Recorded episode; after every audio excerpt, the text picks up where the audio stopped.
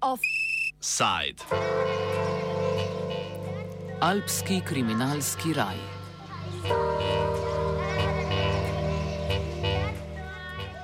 Pred več kot enim letom je anonimni vir nemškemu časopisu Süddeutsche Zeitung posredoval informacije o več kot 18 tisoč bančnih računih skupaj z več kot 87 milijardami evrov, odprtih v drugi največji švicarski banki Credit Suisse. Pri analizi pridobljenih podatkov je sodelovalo okoli 160 novinarjev iz 39 držav. Po enem letu raziskovanja so v ponedeljek objavili, da so imeli oziroma še imajo v tej švicarski banki odprte račune mnogi posamezniki ali pravne entitete, ki so bili obtoženi raznovrstnih kriminalnih dejavnosti. Novinari so med lastniki računov identificirali koruptivne državnike, kriminalce, povezane s trgovino z belim blagom in mamili, ter domnevne kršitelje človekovih pravic. Za današnji offside smo se pogovarjali z Julio Wallace z konzorcija preiskovalnih novinarjev OCCRP, ki je povezoval vse sodelujoče pri projektu. Najprej pojasni potek njihovega raziskovanja. We started with just a few journalists at OCCRP and Süddeutsche Zeitung, which is a German newspaper that's based in Munich, and they received uh, about 18,000 Credit Suisse accounts the data for them. Um, it held information about 30,000 account holders. So that's a huge number of accounts. Um, it's impossible for any one or even two journalists to really deal with that information on their own. So what we did was we made sure the data was all inside our our kind of data hosting platform, which we call Olive at OCCRP. We put it in there and then we began to search it. And we figured out kind of what countries came up the most in the data. We didn't have full data for all the clients of the bank. It was just a small subset of clients. And so then we got to work kind of recruiting journalists from the countries that came up the most in the data.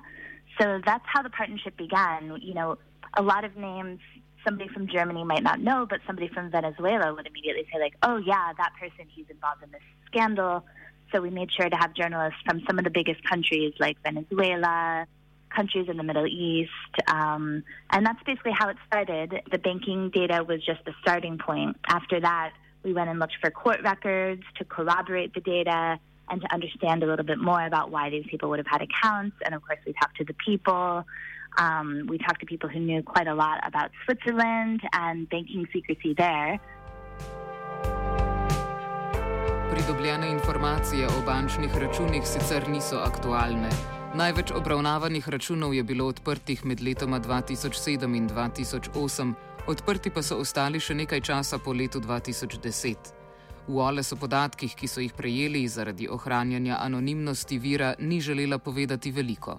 The data has, um, what it does contain is kind of basic account data for 18,000 accounts. So that includes like the account number, the person who had the account, and when it was opened and when it was closed. And then we also were able to see the maximum balance that was ever present in the account. So, you know, that's that's really great information, but it's just a beginning point for for writing stories. So, Žvižgač ali žvižgačica je v izjavi pojasnila svoje razloge za razkritje informacij. Švicarske zakone, ki omogočajo zaupnost o lastnikih računov, ima za nemoralne. Bankam je zakonsko omogočeno, da ne namenjajo prevelike pozornosti temu, kdo polaga denar na njihove račune, osredotočijo se lahko zgolj na maksimiranje dobička.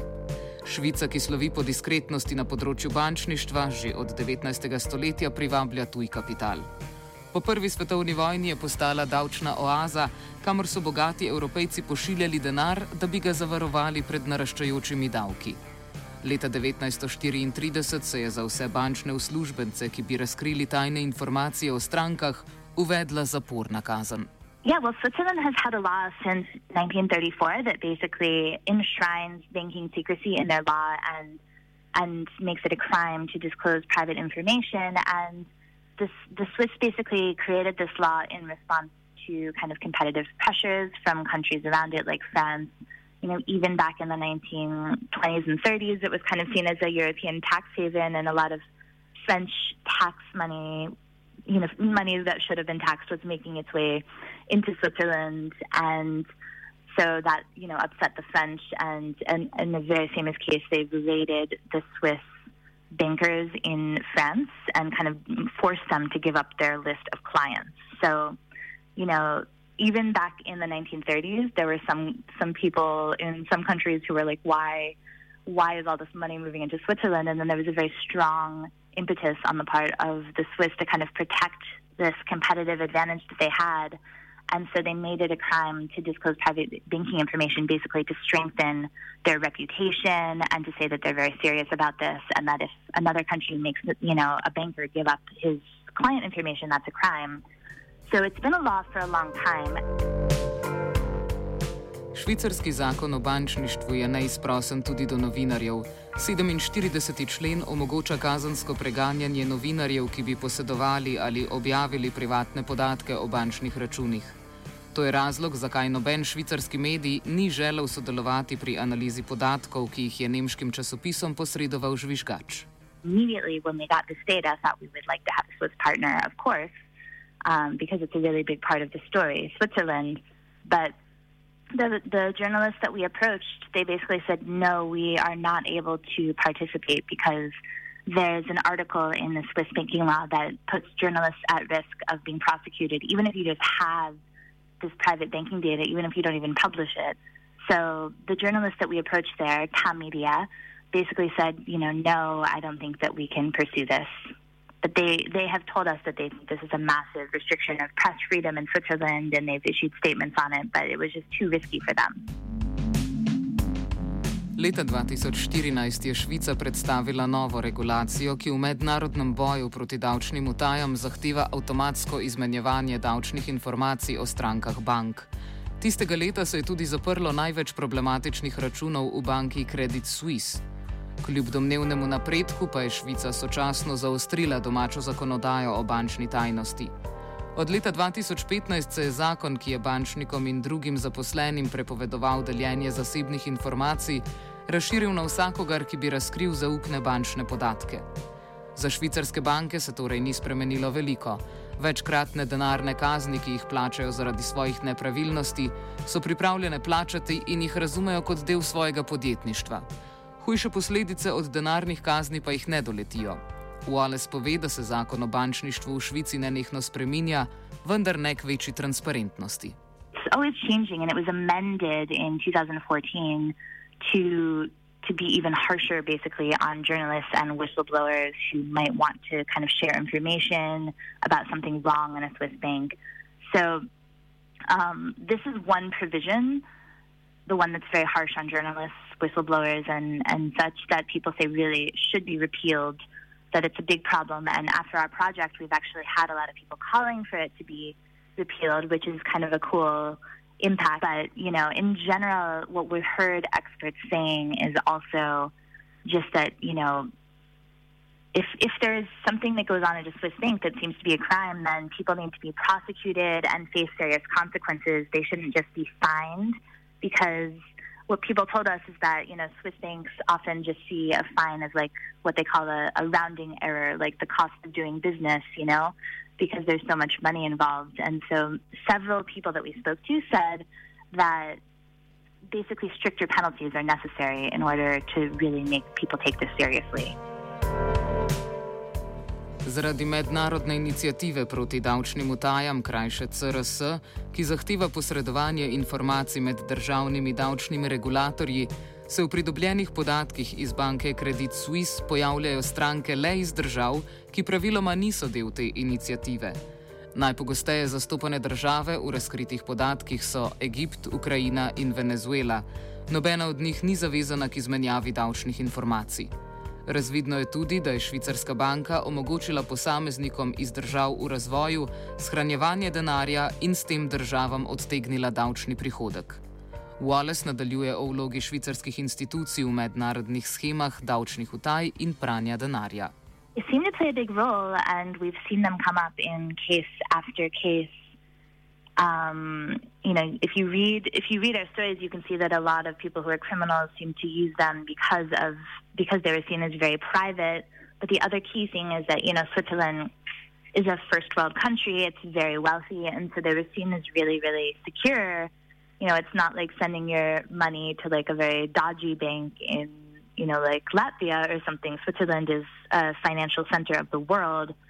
So, you know, a lot of a lot of situations we've seen and looked at in this project are like poor countries having, you know, experiencing serious corruption, having their leaders send money out of those poor countries and into Switzerland, which is kind of ironic. Switzerland is already very wealthy, but it's kind of seen as a good way to get money into the kind of international financial system.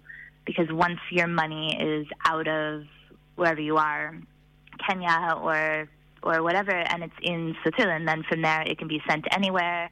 You know, most people don't question Swiss banks as much. They're seen as kind of like sterling examples of a bank. Preiskovalni novinarji so razkrili številne stranke Credit Suisse, zato jih bomo danes omenili le nekaj. Med njimi je naprimer 15 posameznikov, ki so delovali kot obveščevalci Združenih držav Amerike in njihovih zaveznikov v vojni proti terorizmu, ter so obtoženi mučenja in finančnih zločinov. Med njimi je nekdani šef jordanske obveščevalne službe Sad Khair, ki je imel na računu v Švici približno 30 milijonov evrov nepojasnjenega premoženja. Na banki sta imela odprta računa brata talibov iz Azerbajdžana, sinova državnika Vasifa Talibova, kamor sta v okviru velikih schem pranja denarja dobila nakazanih 18 milijonov evrov iz slamnatih podjetij. Wallace kot politično zanimivo izpostavi odkritje o kazahstanskem predsedniku Kasimu Žomartu Tokajevu in o posameznikih iz Egipta, Libije, Sirije in Jordana. In some cases we found you know, very high profile political leaders, like in Kazakhstan, we found that the new president who has taken over quite recently, um, whose name is uh, Tokayev, his, he has kind of said in Kazakhstan that he's going to address issues of wealth inequality and issues where there were kind of like a few powerful people who had a huge amount of money. Um, that's kind of his public persona, but we found that his wife is in this and that she had a Swiss bank account with quite a bit of money herself, and then that the family also, you know, acquired a lot of real estate, expensive real estate in Switzerland. So I think that story seems to be having a big impact in Kazakhstan. Um, in the Arab world, we've had a few stories where we've kind of shown how some of the leaders who were deposed during the Arab Spring sent a lot of money to Switzerland. They all, you know, many of them had accounts with huge balances, and some of that was known before, but some of it wasn't. So I think that will have a big impact. V primeru Rodoljuba Raduloviča, srpskega mamilarskega kralja, ki je znan z vzdevkom Miša Banana, so novinari priskrbeli pomembne informacije za njegovo kazansko preganjanje. Radulovič je imel pri Credit Suisse odprta najmanj dva računa, enega od teh pa naj bi uporabljal za pranje denarja iz mamilarskih poslov. Now, there's also kind of some cases where this data has helped even prosecutors who didn't always know where criminals' money had gone. So, for example, in Serbia, we have a really good story about a, a Serbian drug lord who's called Rodoljub Radulovic, but he goes by uh, Misha Banana. And basically, you know, prosecutors said that they knew he had one Swiss bank account, but we found another Swiss bank account with you know quite a bit of money in it, and he was basically you know laundering drug money for a major drug cartel through Credit Suisse. But even Serbian prosecutors weren't able to follow that money all the way because Swiss banking secrecy can be very, very secretive indeed.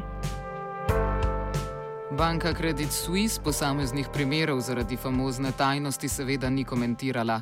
je pa podatke, ki jih je razkril žvižgač, označila za historične in da ne odražajo aktualnega stanja. Informacije so bile po njihovem mnenju vzete iz konteksta, s čimer se je napačno predstavilo poslovanje banke. Of course, they basically said, you know, we can't comment on any case because of banking secrecy. They can't really talk about their clients, which is true. So they didn't have comments on some of the specific things that we sent them.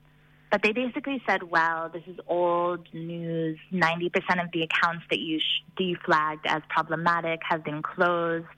And they said that, you know, it's, it's only a very small percentage of all the accounts they have. And they said that, you know, they are very serious about preventing money laundering and they've started kind of new policies and programs to improve. So that was the basic response.